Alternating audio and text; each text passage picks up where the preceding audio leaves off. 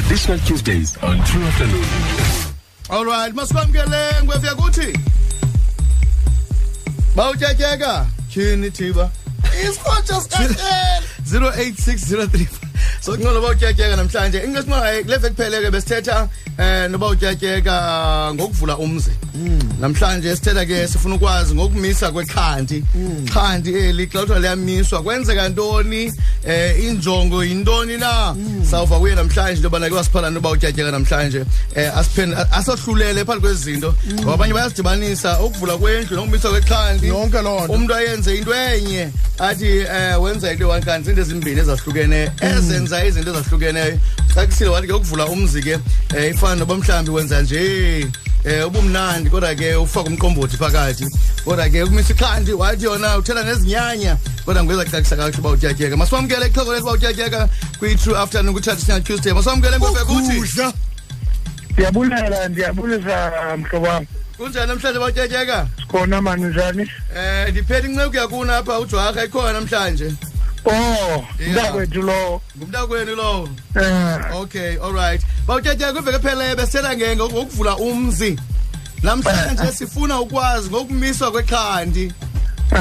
Ya, ingabe khona imisebenzi lokwenzeka emzini xa lingamisa ikhandi?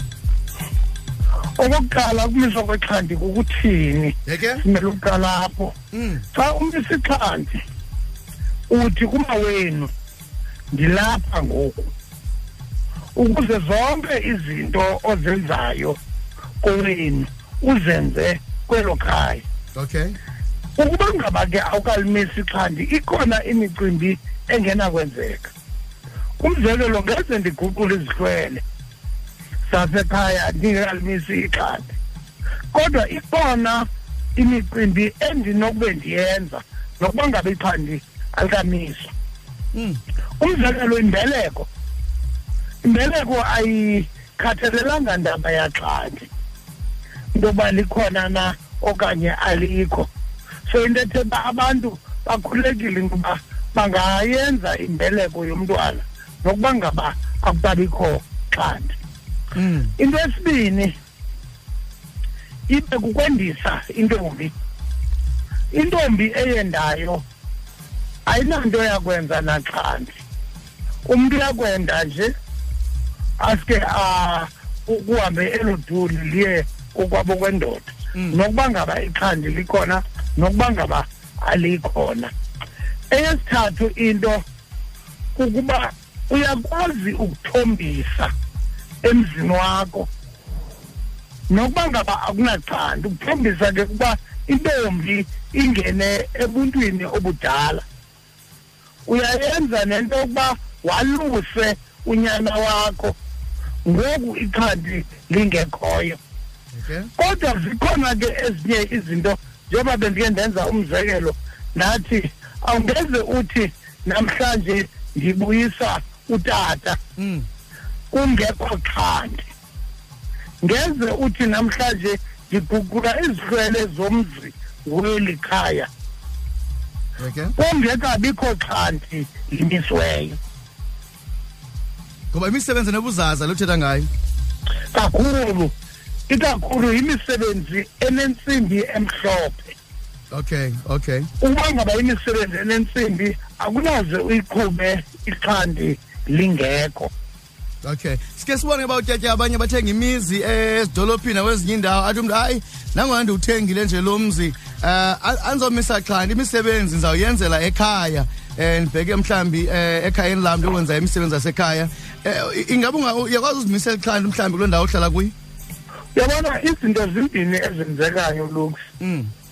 Abanye abantu bathenga imizi ezidolophini benawo amakhaya abo. Yeke? Nokuba ngabe bengekho dolobhini masithathe into yoba wathe umzi wakho ezilalini. Ezilalini eh. Ukuba ngaba awukalimisi ixhandi kulo mzi wakho imicimbi yakho uzayenzela kowenu ekhaya kulo okay.